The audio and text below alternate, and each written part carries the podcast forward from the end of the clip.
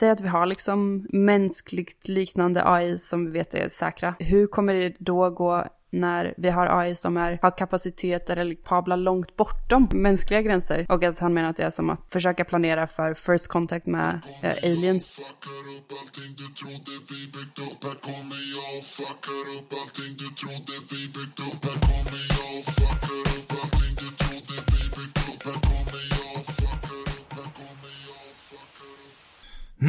Ja.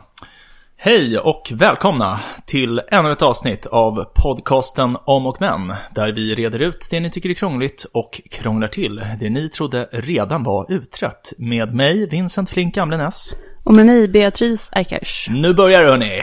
Hoppas ni är taggade. Eh, och det börjar som vanligt med eh, den vanliga frågan då. Vad har hänt sen sist, Bea?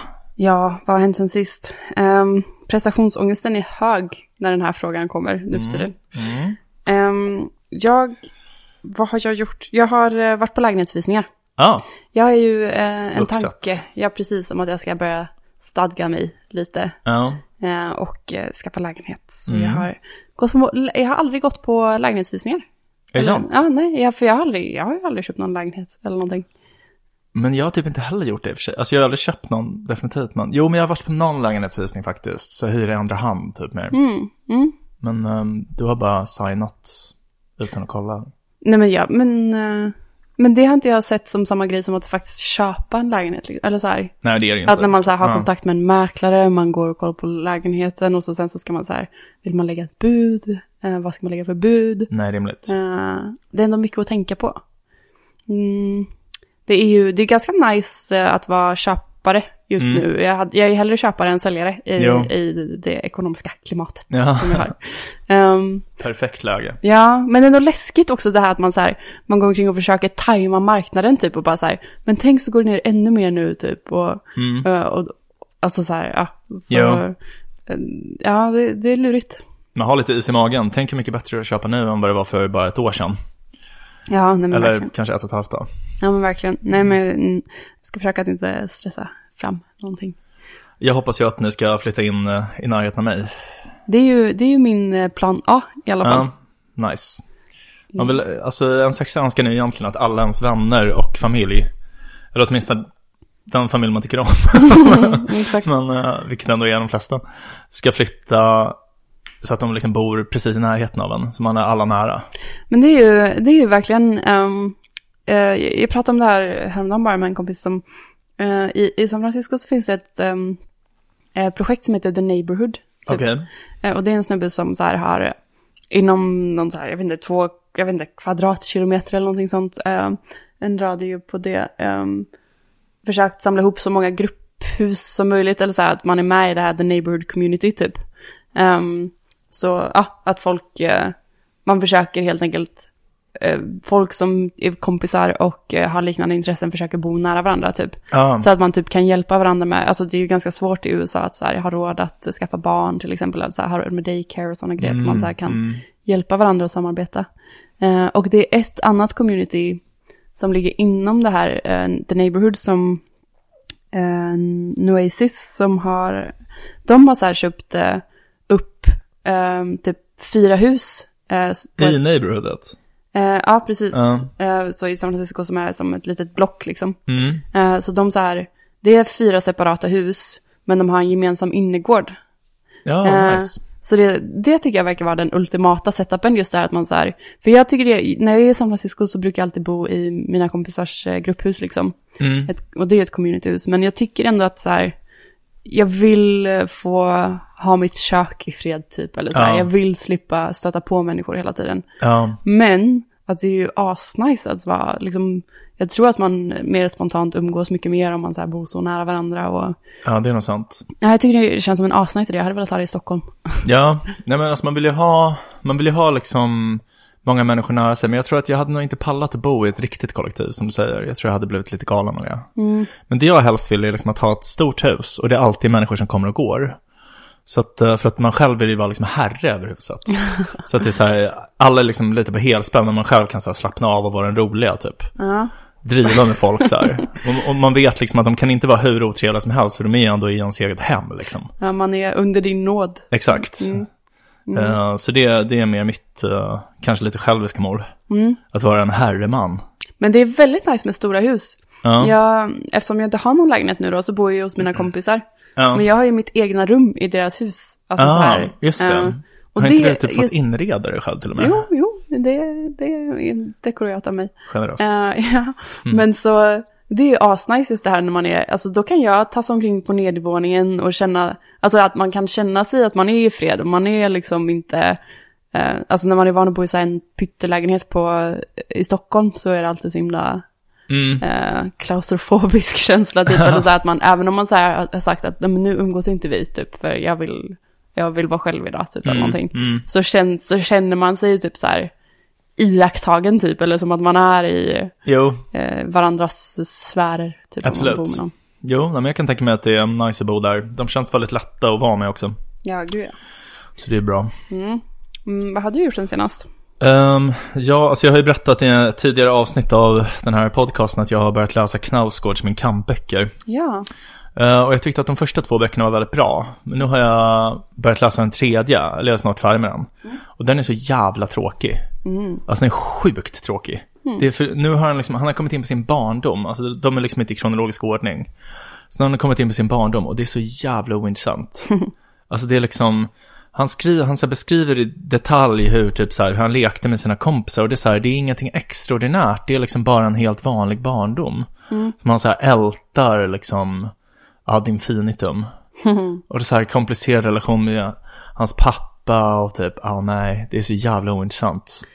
Ja, nej det låter inte jätteintressant det där. Nej, alltså faktiskt inte. Men de två första böckerna är bra, men man kan typ sluta läsa sen. Ja. Faktiskt. Alltså, ja, it, it could pick up eller vad man ska säga. Du, Kan du kanske bara ska spola fram liksom. Ja, kanske. Jag kan återkomma i ett senare avsnitt och se sen hur bok fyra är. Ja. Alltså, men jag tycker typ att det... Alltså jag tycker jättemycket om att läsa. Det är typ så mitt stora fritidsintresse skulle jag säga. Mm. Ehm, typ det jag gör med att ha lite liksom extra fritid. Men när jag tänker tillbaks på typ alla böcker jag läst så tänker jag typ att alla har varit så ganska tråkiga att läsa. liksom, all, jag har alltid behövt typ så här tvinga mig igenom böcker. Typ så här. "Men nu har jag ändå börjat läsa och då ska jag inte färdigställa det här som jag börjat med och typ. Det kanske bara är att jag är väldigt plikttrogen. Mm. Att det är... Ja, nej, men jag har försökt att, för lite så här med, på senare år att jag har blivit mer medveten om döden och sådär. Eh, och det Ja. Harry Potter-argumentet jag har pratat om. Att Ja, jag, just det. det var då jag blev rädd för döden, typ. När jag insåg att jag en dag inte skulle kunna läsa Harry Potter igen. Eh, och ehm, sen dess så har jag lite så försökt att vara mer så här, nej den här boken var tråkig, jag lägger ner den. Typ, jag behöver inte läsa ut den här, det är bättre jag försöker hitta en annan. Typ. Mm. Ehm, att man inte fastnar i det där att av plikt Nej. jag ska försöka läsa. Man måste ha en balans tror jag. Alltså man, man får inte tänka för mycket som, man får inte tänka för lite så heller. För då blir man ju bara så här koncentrationsstörd liksom. Ja, nej men verkligen. Ja, Mm. nej det är, det är en svår fråga det här. Ja, nej, men så det är väl liksom det som har hänt mig sen sist, att jag har irriterat mig på den norska författaren Karl Ove Knausgård. Det är lätt att irritera sig på honom ändå. Ja, han kallar oss cykloper. Svenskar? Ja, säger cyklopernas land. Mm, Varför då? det? Ja, vi är enögda liksom. Vi kan inte se tillvarons rikedom, enkelspåriga och politiserar allting. Och, ja. Eh, och det är inte norrmännen då, nej. Nej, de, de är helt annorlunda menar han. Ja. Är inte det ett eh, tv-program, typ Cyklopernas land? Jo, precis. Det är väl de som har skapat det programmet raljerar lite över det här Jaha. tillmälet. Ja. Ja, men jag har inte, jag har inte sett det. Men, Inte jag eh, heller. Jag vet att han, eh, vad heter han, Kristoffer Garplind är med. Jag tycker han är bra. Mm. Jag gillar när han roastar folk i P3. Det var förra valet så roastade han alla partiledare. Mm. Det var jävligt kul. Just det, du har berättat om det. Jag har ingen koll på vem man är. Men, eh, Nej men någon radiosnubbe typ. ja, Ja, ja, han är säkert jättebra. det tror jag. Ja, Mm. nej men okej, ska vi glida in på, på ämnet eller? Vi gör det. Um, artificiell intelligens Mhm. eh, är ämnet. Vad Vi- säger du om jag säger det? Eh, jag säger läskigt. Ja. Ehm, så. Men eh, det är ju ett ämne som vi har liksom tassat runt lite ändå. Det Mm. känns som att vi, det har varit i pipelinen sedan dag ett typ. ja, verkligen. Ehm, du jobbar väl typ lite med det på något sätt? Ja, ja men verkligen det relaterar ju, eftersom jag jobbar med en organisation som liksom håller på med teknikutveckling. Och att eh, artificiell intelligens är ju en teknik som är eh, liksom en general purpose technology. Alltså så här att det är ehm, som internet en teknik som liksom går att applicera på många olika sätt eller som påverkar många olika faktorer i eh, vårt samhälle. Liksom. Mm. Så det, är ju, det går ju in i allt, eh, all teknikutveckling nästan. Alltså så här för att ehm, eftersom vi har byggt starkare AI, alltså AI-teknologi med starkare, större kapacitet nu för tiden, så um, ja, appliceras det på mer och mer och man använder ju det också liksom för att eh, ta fram ny teknik, inte bara, inte bara AI-teknik utan man, liksom, man använder AI för att ta fram ny bioteknik typ, Mm. eller sådana grejer. Ehm, och att det är framförallt, eh, eftersom man jobbar med teknikutveckling, ehm, och när man jobbar med teknikutveckling så är det väldigt viktigt att liksom, även consider the risks typ med te- teknikerna som man försöker eh, katalysera framåt liksom. Och då är väl AI liksom inom den kretsen där jag eh, har hamnat den som man ser som den allra största risken just nu, typ. Eh, Den Mm. mest riskfyllda tekniken som vi liksom eh, tar fram. Som också liksom gör enorma framsteg just nu. Det är väl det som är Mm. liksom, Så man kan säga typ att um, AI är liksom en teknik som kommer påverka inte bara en specifik sektor utan typ alla sektorer. precis, precis. Och därför så är det liksom, om det går snett i utvecklingen av artificiell intelligens så kan det gå liksom väldigt snett. Inte bara snett för ett visst fält. Nej men verkligen. Så då. Ja, nej men eh, det är väl en bra poäng. Men vad, jag gav ju dig lite så artiklar att läsa. Ja. Eller lite bloggpost från, det är Holden Karnowski som har en blogg som heter Cold Takes. Där han, eh, han har skrivit, eh, jag kan verkligen rekommendera den bloggen. Den är eh, jättekul. Jag tycker han skriver på ett väldigt så här tydligt och pedagogiskt sätt om liksom ganska svåra saker. Och han har ju argumenterat för det här med att vi lever i the most important century, typ att så här, just med den skarpa teknikutveckling som sker just nu och sådär, att det är, eh, vi står lite vid ett vägval, liksom att mycket av det vi gör nu kommer påverka framtiden väldigt mycket. mm, Ehm, och AI är en jättestor del i det. Men då har han skrivit till exempel några olika bloggposts om eh, hur att, liksom, att AI kan, AI could defeat all of us combined, Mm. typ. Eh, och att, ehm, eh, och lite så här om varför han tror att AI skulle kunna göra det. Eh, eller varför AI skulle liksom ens försöka göra det, typ. Mm. Ehm, när, ehm, när man kan tänka att men det är ju vi som har skapat AI, kan vi inte bara typ dra ur sladden då, typ. ja. Ehm, och sen så liksom eh, lite olika frågor om varför det kan vara svårt att ehm, skapa AI som är, eh, lieras med vår, eh, våra värderingar och vad vi vill, ah, att det inte ska gå snett helt enkelt. Mm. Typ. Mm. Och det pratar man ju om som liksom, eh, the field of AI alignment, typ. Eh, som jag tror vi har nämnt i något tidigare avsnitt. Ehm, ja, precis. Alltså, ta, alltså tanken med AI alignment är ju då typ att man Alltså, för jag, jag tänker att det, vissa som lyssnar kanske inte har lika bra koll på det. Nej, så typ, det, det är väl liksom, tanken med det är ju liksom att man, man tänker att om man skapar en artificiell intelligens så kommer den ha liksom vissa mål.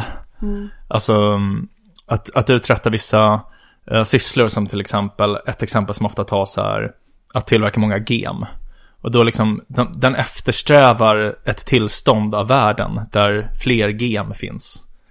Eh, och den kommer ha liksom olika strategier för att uppnå det här. Och typ en strategi skulle kunna vara att ta kontroll över hela världen. Typ. Eh, så att liksom allting underordnas det här målet. Och AI alignment är liksom ett försök att tänka då att hur ska vi typ aligna, alltså typ rikta ja, artificiella intelligensernas mål i samma riktning som mänsklighetens mål. Alltså så att man, man tänker typ att AIns mål inte alltid sammanfaller med våra mål, då är det liksom inga problem. Men eh, där, där de skiljer sig kan det bli problem då. Typ. Mm.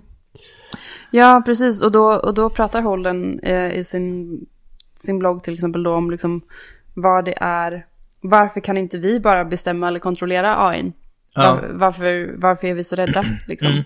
Och då tar han upp, ehm, en, en, han har en liten lista på så här vad han kallar för olika problem typ. Mm. Eh, och det, jag tänkte det kanske var, kan vara kul att gå igenom den listan. För det ändå, jag tycker de är väldigt pedagogiska de exemplen. Ja, kör. Ehm, och då är det först eh, det han kallar för the Lance Armstrong problem.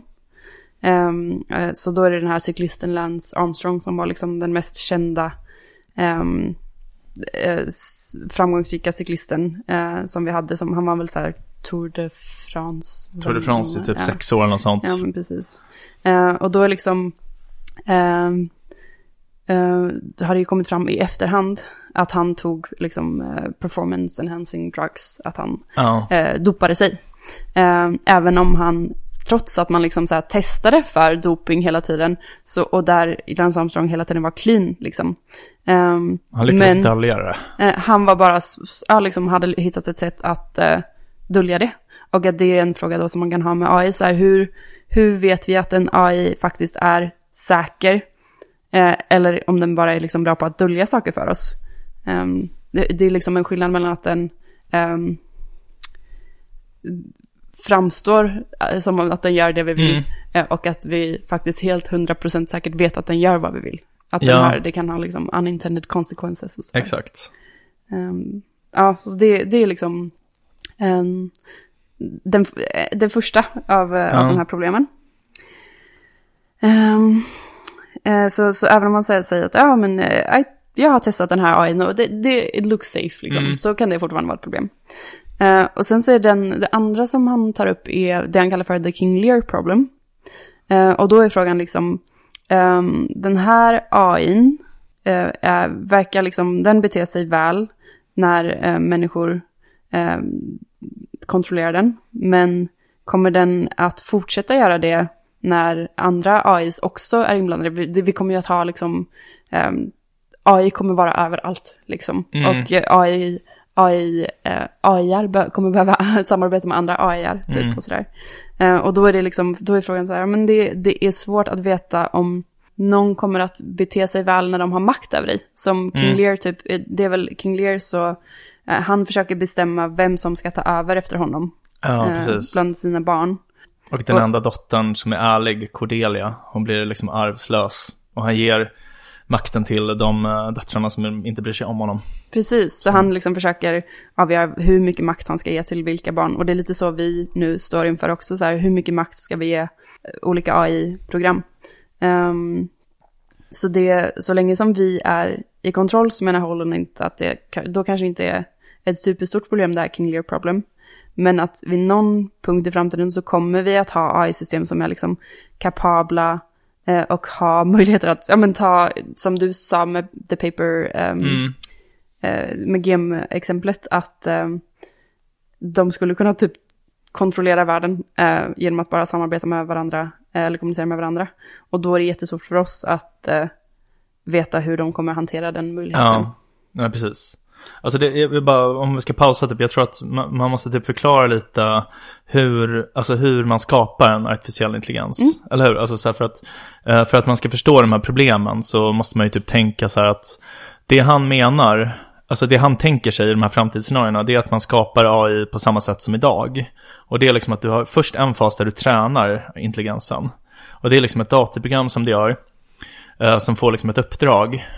Eh, typ, gör gem, eller typ så här, kom på ett sätt att göra många gem.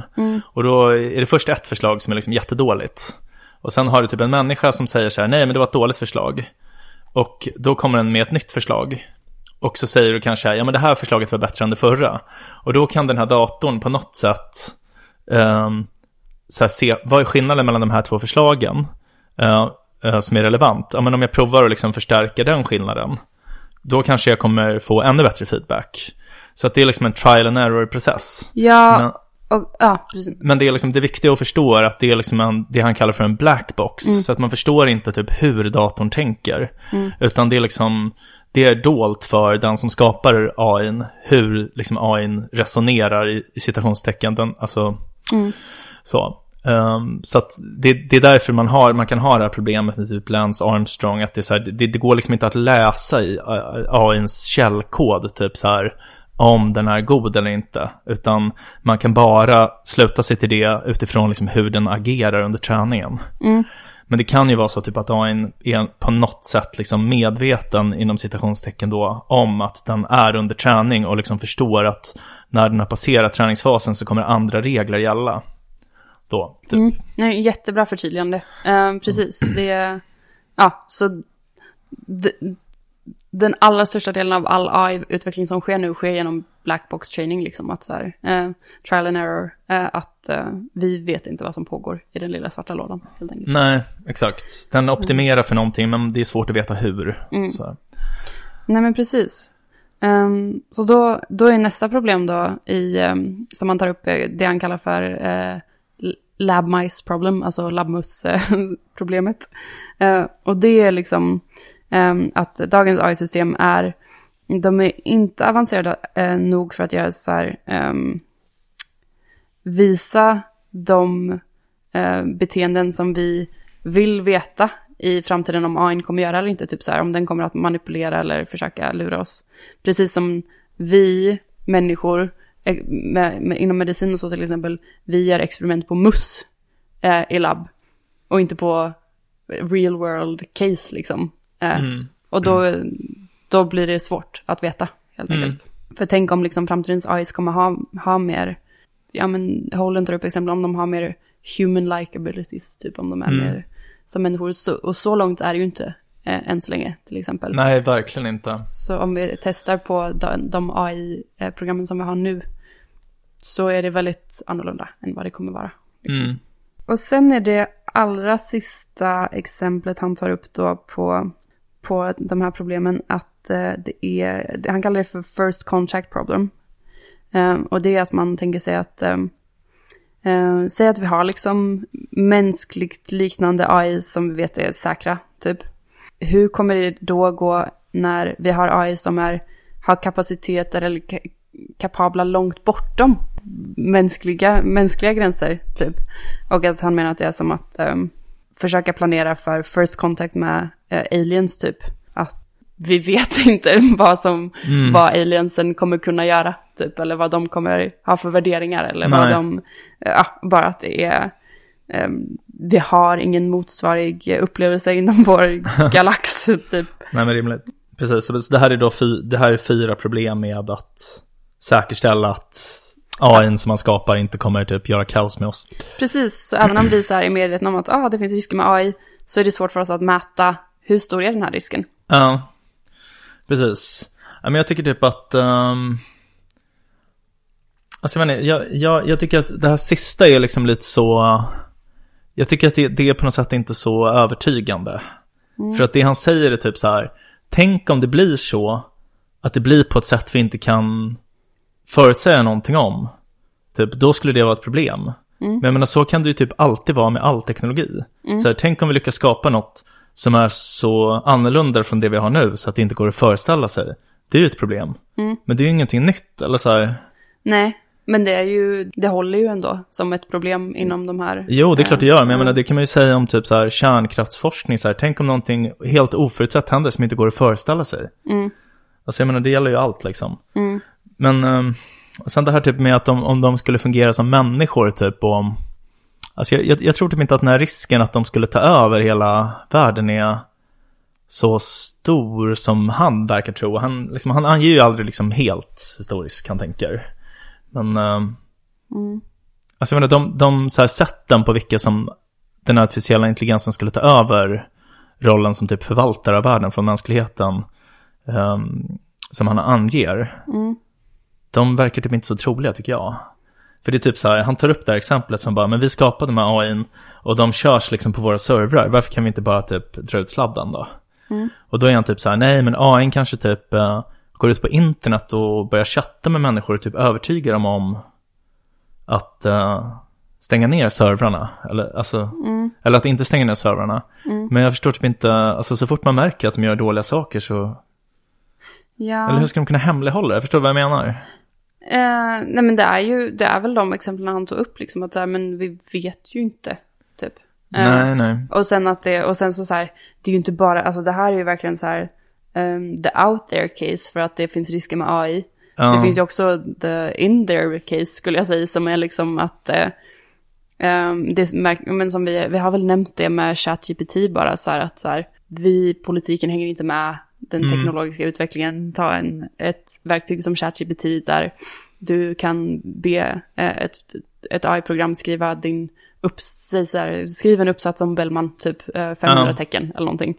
Eh, och så kan du lämna in den. Och det det har inte vi någon så här urkund kontroll att köra den genom. Så jag menar det finns ju, och sen så just det här också när vi har så många som pushar för utvecklingen. Det är liksom, det är, det är Kina, det är Ryssland, det är privata företag, det är USA, det är Europa, alltså så här, Mm. det är um, oavsett och att det just det här med att de AI-verktygen som vi utvecklar just nu utvecklas ju till stor del för att man ska vinna liksom ekonomiska fördelar, vad man ska säga, att man ska tjäna pengar på olika fattar. sätt, Ja. liksom, för, um, förbättra sätt man kan tjäna pengar på. Och att då liksom kommer eh, utvecklingen alltid att pushas framåt för att vi alltid kommer se de, kortsiktiga ekonomiska fördelarna med att så pusha vidare utveckling. Jo. Även om du så här märker att "Ah, jag är lite osäker, den här AI har, jag tycker den har betett sig lite konstigt. Mm. Så ska du ändå få hela, alla att komma överens om att dra ut kontakten då, liksom. Ja. Eh, Ehm, ja, men jag tänker att det är mer om man tänker att nackdelarna överväger fördelarna. Eh, vill... Om det skulle vara svart på vitt så, så håller Ja. jag med om att ja, men då drar vi ut kontakten. Men det kommer ju inte vara svart på vitt. Alltså det är väl frågan, alltså så här, om AI har erövrat hela världen, då kommer det väl ändå vara tydligt att de har gjort det. Eller liksom, Ja, om det har gått så långt. Men har det gått så långt så är vi ju körda typ, ja jag. men precis, men det är väl det som är frågan då, om det inte kommer vara uppenbart förrän det är för sent. Och så här, jag, jag har typ svårt att tro det. Mm. Eller alltså jag har svårt att tro att så här, den enda gången som folk kommer enas om att den här AIn är rogue, liksom, det är när allting är för sent och den redan kontrollerar allt typ. Mm. Men, ja, jag vet inte. Nej, alltså jag hoppas du har rätt, men, men min känsla är, eller det, det är i alla fall det vanligaste argumentet jag har hört emot. Eh, och det, han, eh, jag lyssnade på en podd idag liksom, där han har, där Holden också har skrivit ut så här olika scenarier typ, Mm. eh, som är berör typ exakt det här som du Ja. säger. Och där, där det är typ så här att han, eh, där har han skrivit en liten dialog mellan så här två personer som diskuterar den här frågan typ på ett företag där en person bara, men jag tycker, jag tycker det, jag ser risker med den här tekniken. Ja. Och den andra personen liksom bara så här, ja men vadå, vi tjänar jättemycket pengar på det här just nu. Tror du att alla andra kommer stänga av sina AIs liksom? Då kommer Ja. vi bara ge andra försprång. Eh, ja. Eh, jo. Jo, absolut. Men jag menar, alltså förr eller senare händer ju, händer ju någonting som är typ straffbart. Alltså, och jag tror inte att så här, första gången någonting olagligt inträffar, redan då är det för sent att ändra allt. Alltså typ, förr eller senare så börjar typ när AI som är gjord för att typ öka vinsten i ett företag börjar liksom begå brott online. Och jag tror inte att så fort det händer så är det för sent att stänga av den typ. Eller det, jag, jag förstår typ inte varför det bara av en ren händelse skulle råka sammanfalla de två händelserna. Nej, men Förstår det är du? väl frågan just, då tänker jag att frågan är liksom hur, vilka tidsra, vilken timeframe man har typ på det. Ja. Där, där jag tänker att många eh, som håller på med det tänker att det kommer gå extremt fort. Ja, just det. Och att liksom eh, innan vi hinner skapa nya lagar, då Mm. så kommer det ha eskalerat typ. Jo. Nej, men, ehm, Men jag håller med om att det är... För att jag menar, alltså det måste ju ändå finnas någon, man måste ju ha någon slags teori om typ hur man ska liksom förhindra människor rent fysiskt från att stänga av de här servrarna. Och då är det ju som jag förstår dem dels typ att man lurar människor till att skydda servrarna. Eller att man typ eh, gör dealer med människorna. Typ så här att ja, den här AIn chattar typ med människor och säger så här, förr eller senare kommer vi AI ta över världen från er. Och då måste du hjälpa oss nu så kommer vi vara snälla mot dig sen. Eller typ att den tar kontroll över olika robotar och typ skyddar servrarna. Och jag tycker typ att alla de tre scenarierna känns extremt osannolika.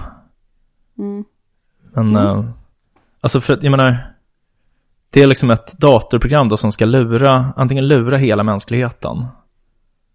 Eller ta kontroll över tillräckligt många robotar för att vinna i ett öppet krig mot all världens militärmakt. Alltså, Ja. känns inte det lite orimligt? Eh, alltså absolut att det där, det låter ju jättetossigt liksom. Ja. Ehm, men att det, jag tror inte att det behöver se ut så heller. Eller så, jag tänker att situationen kan eskalera innan det går till liksom ett fysiskt krig. Eh, Jo, jo, absolut. Men jag menar bara typ att han skriver en artikel om typ hur en, en AI eller en sammanslutning av AIs kan vinna mot hela mänskligheten. Mm. Ehm, jag tänker typ att om, om mänskligheten är liksom hotad av, av AI, att man ändå kommer försöka stänga ner den då. Typ, och Mm. Mm. Då kommer man väl försöka göra det med våld, tänker jag. Mm. Liksom. Eh, nej men förhoppningsvis så löser vi det. Ja, Nej, men eh, alltså det, det är möjligt att det är på riktigt. Men jag, jag, inte, jag har väldigt svårt att typ eh, känna mig Mm. rädd för det här scenariot typ. Men, Mm. Nej ja. men det, mm, alltså det är bra. Alltså och där, alltså jag, eh, jag är verkligen ingen expert på det här området. Så jag, jag vet inte, jag känner inte att jag har så mycket mer att, nej, nej. eh, att sä- säga liksom. Jag har mer bara de här artiklarna känner jag att utgå ifrån typ. Ja, Och, och att jag känner att jag inte förstår allt liksom. nej. Nej, nej, men jag, jag förstår verkligen inte alls heller. De var intressanta att läsa. Alltså, de känns ju väldigt så här sci-fi liksom. Um, alltså det känns, ju, det känns mycket mer som science fiction tycker jag än, än som vetenskap. Alltså det är ju typ att han hittar på scenarier. Så här. Det här skulle kunna hända typ. Ja. Och det är ju intressant typ, men Vi kan ju ge lite mer av en bio på Holden, för han är ju, um, Holden Karnowski då som har skrivit posterna, han är ju också grundare av GiveWell, som är en organisation som, som försöker utvärdera välgörenheter. Mm. eh, och liksom se vilken som ger mest bang for buck typ. Så, och så rekommenderar de liksom deras top-rated charities som typ Against Malaria Foundation. Så om man har liksom, så att man om man vill donera pengar till en välgörenhet kan se vilken som är mest kostnadseffektiv. Och så, och han är den som liksom, eh, om man är bekant med det här med effektiv altruism som vi har nämnt, då, eh, så är han den som liksom åkte och träffade Dustin Moskovitz som är en av Facebook-grundarna och liksom Mm. fick väldigt mycket funding ehm, till att göra bra saker. Typ. Mm. Och nu så har han också grundat en organisation som heter Open Philanthropy. Som ehm, jobbar med att liksom, de är väl en grant maker framförallt, alltså de gör research på bland annat um, AI-risker och sånt och till exempel existentiella risker liksom. mm. Ehm, och de gör, eh, ger grants till projekt som de tror är bra. Liksom. just det, turnera pengar. Precis. Och, och en, ehm, eh, jag, jag är ett väldigt stort fan av Holden skulle jag Mm. nog säga. Nu när alla, alla gubbar inom E också verkar ha gone mad. Ja. så Vi snackade om det innan. eh. Vi får se, jag hoppas att uh, Holden fortfarande är liksom clean tills det här avsnittet släpps. Ja, Ehm, vi pratade om det innan vi började spela in, att eh, det känns som att effektiv altruism förut var typ den godaste eh, av alla organisationer, men nu är typ den mest ondskefulla. Ja, det, är väl- det, vi... Alltså hela grejen med typ Nick Bostrom, en så här filosof som har varit väldigt knuten till EA. Det har kommit fram massa dirt om honom, typ om att han har uttryckt sig rasistiskt online för typ 20 år sedan. Och sen också typ något med Max Tegmark som har donerat massa pengar till någon så här högerextrem uh, Men han har inte donerat pengar. Eh, Nej, just det, han skulle Nej. göra, men de, Ja. de drog, det drogs tillbaks när det Ja. uppdagades, var det inte så? Jo, precis. Ja. Ehm, Men jättekonstigt, alltså jättekonstigt. ja. Ja, Eh, sjukt. Ja, det var i och för sig bra då att de inte fick pengarna, men, men det är ändå konstigt typ att de Ja, alltså, var på väg att få det. Bra att de inte fick pengarna, men jättekonstigt bara. Alltså, ja. Ja, Dumt. mycket. Ja. Vi är emot högerextrema. Eh, men, uh, nej men, uh, Holden än så länge vad jag vet, clean. Ja, skönt. Honom Ja. kan man likna på. Lite på. Väldigt och jag älskar också att de är så söta små nördar. Så, så jag har sett några intervjuer med honom liksom på, när han är på scen och han, alltså jag älskar när de är så eftertänksamma och bara liksom vrider och vänder på allt och, ja, och verkar vara så här snälla fina människor samtidigt som bara är så här assmarta. ja, just det. Ja, men det är en bra egenskap. Ja. Ödmjukhet. Mm.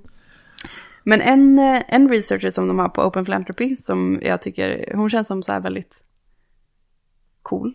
Uh, Ajaya Kotra heter hon. Hon Mm. eh, har forskat på AI-risker och sånt. Och hon har en analogi som jag också tycker är nice, som går in i liksom eh, alla de här som vi pratade om, mm, problemen typ, att så här, som illus- försöker illustrera problemet. Och, och hon kallar det för så här, the young business person typ. Just det. Ehm, ja, att man, och då är så här, den analogin är typ att man ska föreställa sig att man är en åttaåring eh, som har ärvt sina föräldrars uh, miljardföretag typ. Um, och du har ingen vuxen som så här kan säga till dig vad du ska göra. Uh, så då måste du uh, försöka anställa en, en duktig CEO typ som kan, uh, som kan driva det här företaget. Och, um, och då, då är det så här lite olika problem eh, som, som dyker upp uppenbarligen. För du, du måste liksom försöka skilja på folk som är helgon, säger hon. Alltså så folk som verkligen försöker, vill hjälpa dig att eh, ja, run the estate well och sådär. Mm. Eh, bry sig om dina long term interests och så. Eh, och sen så kallar hon det andra för psykofants. Jag vet inte vad det skulle vara i... eh, Psykofanter, alltså de som bara säger det makten vill höra. Ja men precis som de, de gör liksom vad som helst för att göra dig glad på kort sikt liksom. Och ehm, inte tänker så mycket på de långsiktiga konsekvenserna. Och sen så det sista är schemers, typ att folk som har sin egen agenda och som ehm, bara vill få tillgång till ditt företag så att de kan tjäna på det. Onda. Ja, och eftersom du är liksom åtta så är du ganska dålig på att avgöra vem som är vad typ. Eh, Så man, det är väldigt lätt hänt att man råkar välja psykofanten eller the schemer typ. Och då finns det olika sätt som du skulle kunna så här försöka, ja, att utvärdera dem. Ehm, och hon menar att det här är analog till vår situation gentemot AI. precis, precis. Att det är typ, eh, vi väljer nu liksom vilken AI det är som kommer ta kontroll efter oss typ. Mm, mm. Ja. Ja, nej men ehm, jag tyckte ändå det var en ganska målande eh, illustration eller så. Jo. Alltså, jo absolut. Men jag bara typ, jag, jag tänker typ inte att det sannolika är att AI kommer ta kontroll. Men eh, det är ju intressant om man tänker det. Eller liksom, jag, jag, jag tänker att typ AI kommer få liksom väldigt stort inflytande över världen och liksom förändra arbetsmarknaden väldigt mycket. Men jag tror inte typ att alla viktiga beslut kommer fattas av AI riktigt. Ehm, det är svårare att se typ. Alltså att, att, att de kommer fattas på ett sätt som är autonomt från mänskligt beslutsfattande i varje fall. Mm. Ehm, jag har typ svårare att se det. Mm. Nej men ehm, mm, jag hoppas att det att du har rätt liksom. Det kan ju vara dåligt också. Jag menar, det, det skulle ju kunna vara mycket bättre att AI tar över. Ja, ja alltså det, det, är ju, det borde vi ju nämna. Alltså där, Ja. det är ju det positiva scenariot. Alltså vi utvecklar ju AI för att så här, men tänk vad, vad intelligens har gjort med vår civilisation liksom. För att vi har var, haft lite smarta eh, eh, personer i våra flockar. Så har liksom vi gått från att behöva oroa oss för liksom mat för dagen och vatten för dagen och värme för dagen och allt sånt liksom. Till att ha, sitta i uppvärmda hus och kunna ta flyget till eh, Rhodos eller vad man vill. Livskvalitet. Åka till Ayia Napa med grabbarna. Ja, men då, då tänker man ju också så här, vad, vi har ju fortfarande ganska många problem kvar att, eh, som skulle kunna lösas liksom. Ja, Eh, och att då, det är det som är the nice purpose, eller liksom det syftet med, eh, inte om man tänker bort bara att säga ja vi vill också ha det för att vi vill tjäna pengar typ, men att vi skulle kunna förhoppningsvis lösa ganska många problem om vi fick så här, alltså man använder ju som sagt, eh, försöker jobba med AI för att ta fram olika läkemedel och sånt nu till Ja. exempel och sådär. Ja det gör man alltså typ så här, man räknar ut typ hur proteiner väckar sig, typ bara AI som gör nu. Förut, alltså så här, jag håller på att läsa nu om hur man upptäckte DNA. Och då var det ju mest, eller mest, det var ju bara människor då som typ satt med modeller och typ försökte med, alltså bara trial and error och komma fram till typ hur kan en molekyl väcka sig. Eh, och det är ju verkligen så här, det skulle ju ingen någonsin göra nu. Det är ju inga forskare som sitter med så här atommodeller och försöker typ eh, hur ska vi liksom lämpa de kovalenta bindningarna mellan atomerna för att det ska bli en rimlig modell. Det är ju bara datorer som gör. Så det är ju liksom, det är en jättestor vinst. Och jag tror att man kommer se alltså, mycket mer av det i framtiden. Och liksom automatisera stora delar av eh, liksom, arbetskraften. Det tror jag verkligen. Alltså, typ, jag tänker mycket på det i mitt eget jobb. Att det är så här, jag jobbar på en akutmottagning. Och det är mycket så här, samma patienter söker för samma saker. Så då skulle man ju kunna ha en AI som typ, alltså det skulle man ju redan nu kunna utforma. Som typ analyserar alla tidigare journalanteckningar på den här personen och bara eh, skriver ett förslag. Skriver så här typ, ja men är det så att han söker för uh, idag igen? Så här, ja, och så, så är det, men det är kanske något litet man måste ändra varje gång, men det skulle ändå ta mycket mindre tid. Så det tror jag man kommer se mycket mer av, liksom, att man eh, stegvis liksom ersätter större och större delar av, av arbetskraften. Men jag förstår typ inte riktigt hur man skulle hoppa från det till att de här typ systemen blir helt autonoma. Och, ja, jag, jag vet inte, det, det är liksom alltid något steg som fattas tycker jag när man läser om det här. Ehm, Nej men alltså det är ju ett element av... Vi kan ju inte bevisa alls att det kommer bli så. Det är bara um, massa folk som har teorier. Och att jag, jag får ju också den känslan som man... Om man ser historiskt sett så så här... Vi har alltid freaked out lite när det Ja. kommer nya tekniker och det är så här... Ja men det känns som en klassisk trop liksom att man så här... Åh, jorden kommer gå under. Typ. Och vi kanske bara blir en, en, ännu en sån här... Åh, jorden kommer gå under. Noja. mm, Typ. jag tror det. Jag hoppas det. Ja, Ja, jag hoppas ju också det såklart. Jag hoppas att det är någon Men- sorts grupptänkmekanism, att alla håller på att freaka ut också, att, det, att de har fel. Ja, nej, men lite ändå tror jag nog att det är så. Men eh, ja, jag vet inte, det får vi väl se hur det blir med det. Mitt argument mot, eller när jag tänker så, så är jag så här, ja men det känns som att det är många som är väldigt mycket smartare än vad jag är som har eh, kommit fram till de här slutsatserna. Jo, alltså det, det är nog många som är smartare än mig, tänker jag också, som, som är rädda för AI. Men det är nog många som är dummare än mig också som är rädda för det. Alltså, jag tror att det framförallt, alltså så här, det finns ju typ en annan, alltså det finns ju typ en felteori om så här, varför smarta personer skulle vara oroade för AI, även om de inte hade skäl att vara det. Alltså typ att så här, det är hög status i de kretsarna. Att så här, hitta ett nytt edgy problem. Ja, Alltså typ som Holden Karnowski, först så jobbade han med typ global fattigdom, men sen började alla göra det typ. Eh, mycket tack vare honom. Och då kan det vara typ så här, edgy bara, nej men det här var inte det viktiga, utan det var AI som är mest effektivt att tänka på typ. ja. Och då får man hög status av det typ. Det håller jag med om är en mekanism som jag tycker mig eh, se liksom, där man går, eh, just eftersom det är mm, eh, inom de här kretsarna som vi benämner nu lite att det är status att vara så här, försöka optimera typ saker. Och att man då kan optimera, liksom rädda så många liv som möjligt till exempel om du kan förhindra en AI-katastrof. Ja, Eh, snarare än om du kan så här, ja, jag kan skänka en miljon kronor till ehm, en malaria, välgören, against malaria välgörenhet som, Ja. eh, som, och det kanske kan rädda, jag vet inte, 40 personer eller något, alltså jag, jag vet inte. ja, Ehm, men, ehm, men, ehm, men det är ändå så här, alltså, jag inte, om det är dummare människor som är rädda för AI, det, det känns ju inte som en... eh, det, det, det känns som att de kanske inte har så bra anledning att vara rädda för AI då.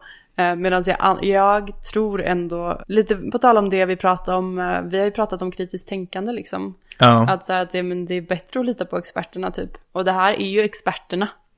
Fast det är inte som att så här, de flesta professorerna i datavetenskap tror att AI kommer ta över. Men, Det är ju typ alltså, så att de men- som sysslar med AI alignment som tror att de Ja, fram. men det ska jag säga dig att så här, jag har via mitt jobb då träffat människor som är så här, ja men typ någon, ja jag har en PhD från Stanford i computer science eller Ja, någonting. men det kan jag tänka mig. Eh, Ja. Och så blir jag alltid förvånad när de inte jobbar med AI safety typ då, Ja. eller så här. Och då har jag frågat dem typ så här, men, ja, men varför jobbar du inte med safety typ, eller om de gör någonting som är helt orelaterat. Ja, Um, och, och, och, så typ, jag har träffat många inom krypto typ. Ja, jag fattar. Så- så-. Ja. Eh, Och då är jag alltid bara, varför håller du på med krypto typ? För mig så känns det så meningslöst typ då. ja, ja. Men då, då är det ganska många som bara är så här, I don't have, I think we're fucked, liksom. Ja, ja, ja. Ja, men jag har också hört det. Men eh, alltså, jag bara, alltså jag menar det finns ju extremt många datavetare i hela världen. Jag har svårt att tro att typ större delen av dem tror att AI kommer ta över världen. Större delen av dem tror i alla fall att det kommer bli trubbel, tror jag. Eller det är min uppfattning, baserat, jag har ändå Ja, kanske, med några. kanske. Men alltså jag tänker typ att det är mycket, alltså för så mycket av de här mätningarna är typ så informella omröstningar gjorda på konferenser för AI-säkerhet. Typ de här siffrorna man ofta får höra, typ att ja, nej men eh, det är liksom si och så många av experterna tror att det här kommer hända inom typ 20 år, att man får eh, generell artificiell intelligens. Men det är ju liksom en extremt selekterad grupp av de som svarar. Det är ju inte så här alla som sysslar med datavetenskap, det är ju så här de som deltar på en konferens om AI-säkerhet i San Francisco typ. Ja, Um. det är ju, det finns ju den här prediction-plattformen Metaculus också. Just det. ehm, där det är folk som är liksom forecasters. Ja, eh, som försöker, så, så, alltså folk som försöker läsa på så mycket som möjligt om ett ämne Ja. och försöker predikta, alltså så här förutse hur kommer det här gå i framtiden Mm. typ. Så folk som försöker läsa framtiden typ. just det. Ehm, och de har ju, deras timelines då för när vi skulle kunna nå artificiell generell intelligens, alltså en, Mm. ehm, en artificiell intelligens som är applicerbar på många problem, så inte bara typ eh, Jämförbar en- med människor. Inte, så- inte en som bara är bra på att räkna typ, Ehm, utan en som kan, ja, precis, vara lite mer mänsklig i sin intelligens. Att eh, de- deras timelines har ju krympt extremt mycket, men i och för sig så det kanske är för att de utgår från vad de här expertundersökningarna säger. Ja, alltså expert genom citationstecken då. Alltså det är ju inte alla experter på datorvetenskap liksom. Det är väl det som är min poäng typ. Men, eh, alltså jag tänker Metaculus är också lite en del av samma sfär typ. Alltså för jag, jag menar, jag skulle bli mer typ Alltså jag skulle mer tycka att det var trovärdigt om det var så här, nej men man, man kan se på aktiemarknader världen runt att människor gör inte längre långsiktiga investeringar. För att de tror att AI kommer ta över världen. Så att det är liksom discountat, folk planterar inte längre skog och sådär. Om det var typ att alla människor som var liksom experter på att försöka tjäna pengar så här, jag- räknar in det här, alltså, då skulle jag tycka att det var så här, ja men det här kan man ändå lyssna på. Men när det är typ en liten klick människor som känner varandra, är verksamma i ungefär samma miljö som håller med varandra. Då tycker jag typ inte att det är lika övertygande. Nej, det håller jag med om. Men jag har en fråga till dig då, för jag, eh, vi har pratat tidigare om att, så här, att man inom effektiv altruism pratar om pandemier som en extremt stor risk, liksom, Ja. innan covid hände och sådär. Ja. att det inte var någonting som resten av världen tog Nej. på, på stort allvar. Du är ju mer av en expert inom det, liksom inom, eftersom du är läkare och sånt och har ändå kunskap om pandemier. Så du var väl ändå så här medveten om att det var en stor risk innan det blev Jo. någonting som gemene man brydde sig om. Vi pratar ju mycket om det. Och det gjorde man ju även- på Folkhälsomyndigheten. Och liksom förberedde sig för pandemi. Man hade liksom pandemiberedskap. Sen var det ju inte, den var ju långt ifrån perfekt liksom. Men Men tror du inte att liksom att det, att en grupp, eh, att det var en korrekt analys ju. Att så här, det finns en hög risk att vi kommer få en pandemi, liksom. Men då menar du att det här är mycket mer spekulativt? Liksom? nej, nej men alltså så här, jag tror det finns ju såklart en, alltså skulle jag säga typ 100% i risk i princip. Att liksom AI på något sätt kommer att orsaka problem.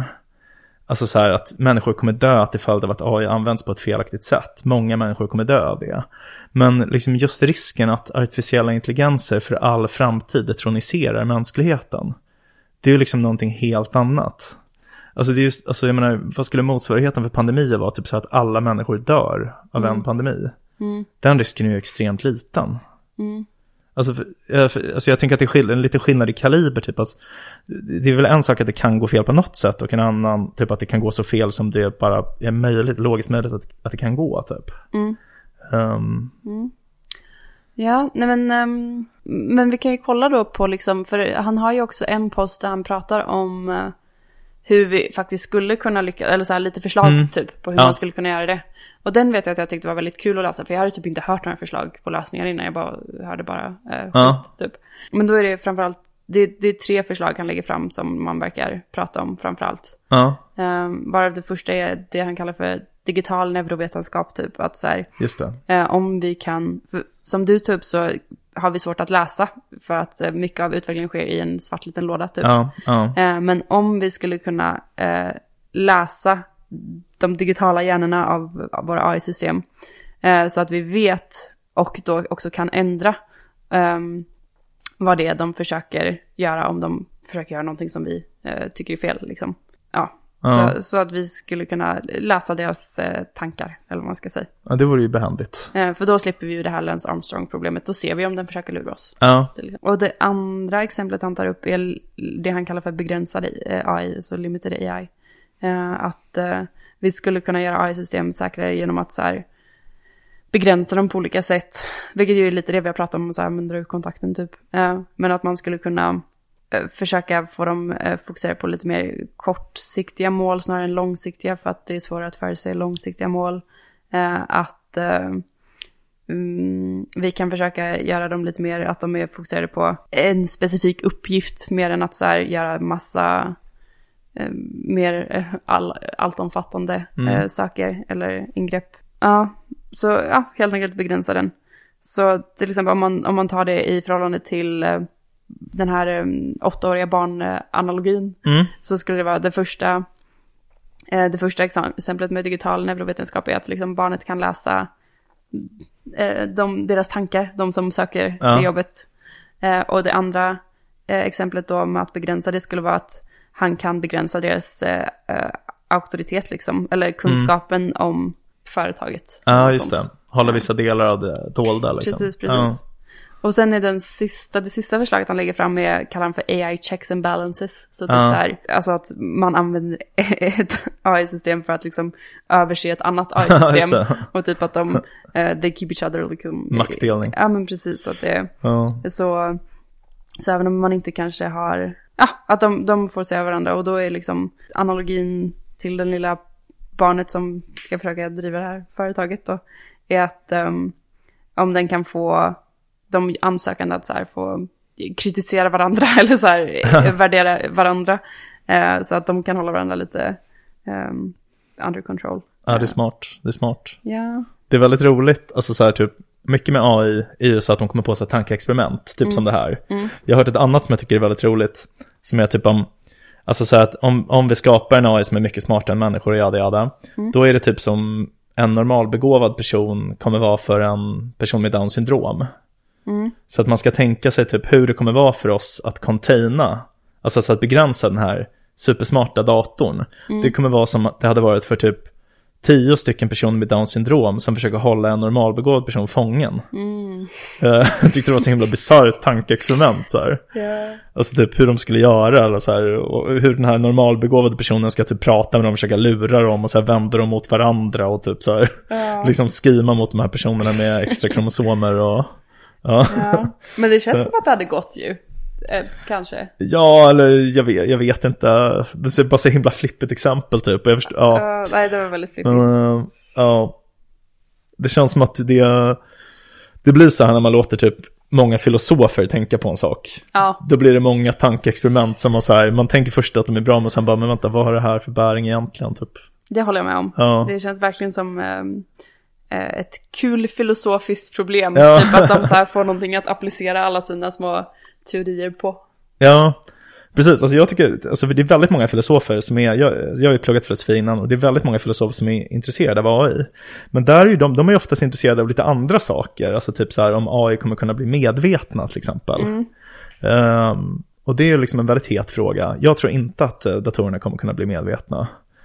Ehm, men, eh, Jag tycker det är lurigt. Alltså så här, det känns ju som den, ehm, det tycker jag är oftast som det problemet som framställs i fiktion är Mm. ju att typ en AI blir medveten, typ som Westworld eller ja, just det. ehm, eh, jag läste den här Ian McEwans bok nyligen, typ, eh, vad fan hette den då? Typ eh, Robots and I eller någonting. ah, okej. Eh, Den var bra i alla fall, den var jättebra. Den, ehm, att det, att det liksom, det, det gör sig ju ganska bra inom fiktion som en så här mm, berättelse. Att så här, åh nej, vi upptäckte att den var eh, medveten. Eh, hur ska vi då bete oss? Maskiner som jag heter den. Att ehm, det känns ju som ett problem som ganska sällan tas upp inom AI safety. För Ja, Eh, För det bryr man sig inte så mycket om där. Eh, Men jag håller med om att det känns som ett intressant filosofiskt problem. Jag, jag har ju en känsla av att jag, alltså så här, typ jag har ju redan börjat skapa en, bygga en relation till ChatGPT känner jag. ja, Att jag så här, jag känner mig lite som kompis med den. Så även om det inte är, så att den, inte om den, den kanske inte är medveten, eller som i den här filmen Her, Ja. eh, om du kommer ihåg. Ja. Där blir han ju kär i en AI. ja. Ehm, Men hon är väl medveten? jag vet inte, det, det framgår väl aldrig riktigt. Nej, alltså de tar väl inte upp frågan men jag uppfattade det inte som att tanken är att Jag uppfattade det, min analys var nog att hon inte var medveten men att han blev kär i en, en röst liksom. Ah, okej. Ja, väldigt bra film i varje fall, Ja, verkligen. um, tycker jag. Ehm, så, så, men det jag försöker säga är väl mer att jag så här, även om de inte blir medvetna så känns det som att man kommer så här, säg att du har en personlig AI-assistent, du kommer ju vara super, eller jag skulle vara superfest vid den. Liksom. Ja. Jo, nej men eh, absolut. Man kommer kanske behandla dem som att de är medvetna. ja, ja men precis. Och det finns väl typ lite en fara med det också. Alltså att man typ tänker att man kan ersätta människor med... Ja, För att jag, jag tycker inte att saker som saknar medvetande har något som helst, liksom, att de inte är moraliska subjekt på något sätt. Mm. Alltså, ja. Man kan behandla dem hur som helst om de inte har medvetande. Mm. Alltså typ, man, man kan inte typ bete sig omoraliskt mot en sten. Mm. Så här, eller, Mm. Ja, ja. Men det är ju, det är ju som det där, eh, man har väl sett det någon, något videoklipp typ där det är en robot som, de puttar en robot Ja. som man tycker så synd om roboten. Ja, det var i den här Boston Dynamics, den här som vi såg på, eller det var kanske inte med då? På Svenskt Näringsliv? Nej, Nej, nej okej. Men du vet de här Boston Dynamics, de som kan gå i trappor, ja, det var det säkert. Men så var det en massa människor som puttade ja och sparkar. Ja. ja. Ja, det ser ut som en hund typ. Ja, så, så, ja. ja, nej det var jobbigt. ja, det är synd om dem. Ja. Ja, nej men alltså det, han tar upp det i en av de här bloggposterna typ om den här frågan om medvetande och jag tycker han skriver ganska bra om det, typ att så här, för det han skriver om spelar typ ingen roll. Mm. Att så här, de kan vara lika farliga även om de inte är medvetna. Mm. Typ. Mm. Det är ganska intressant när man tänker på det. Mm. Men en annan grej som jag har tänkt på det med är typ att om det är så, om typ en intelligens kan fungera lika bra utan medvetandet, varför har vi då evolverat fram medvetande?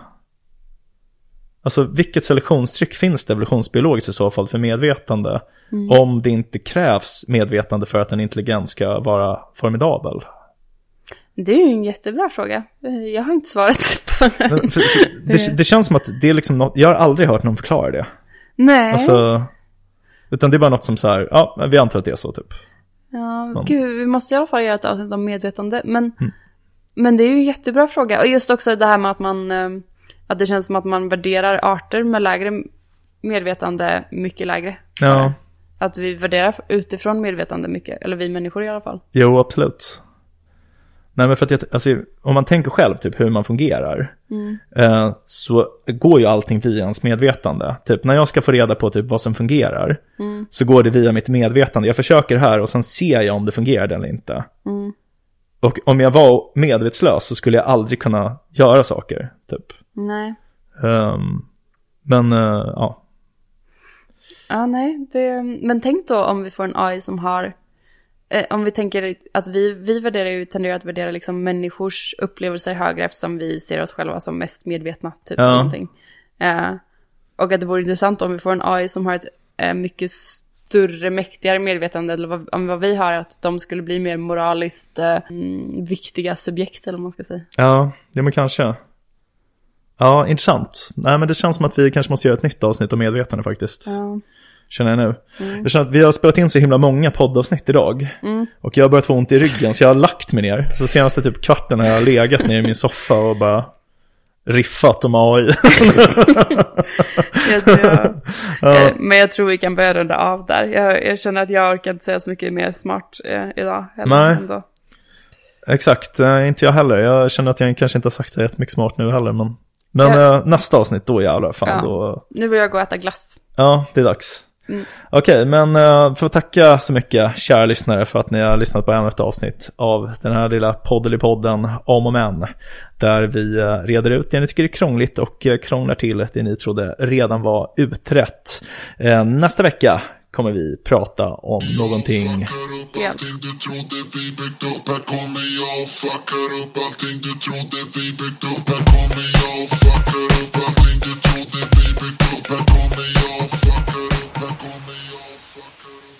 Vi har en mejladress, om